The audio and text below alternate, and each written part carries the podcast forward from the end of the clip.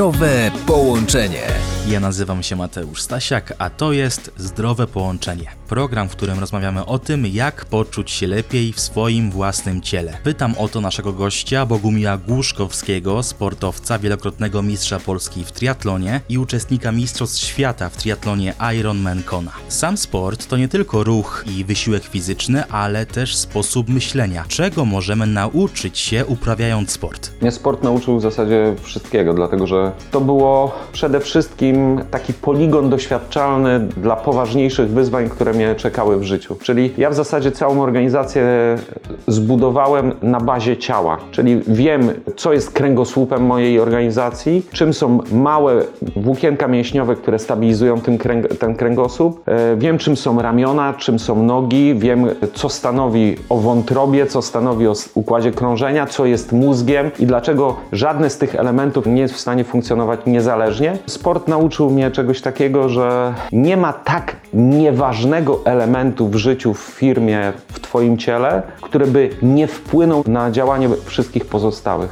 W związku z tym równowaga wymaga pełnego szacunku wobec każdego najmniejszego elementu, tak samo naszego ciała, każdego najmniejszego elementu organizacji. Stąd podnoszę papierek, mimo tego, że obok mnie stoi pani sprzątaczka.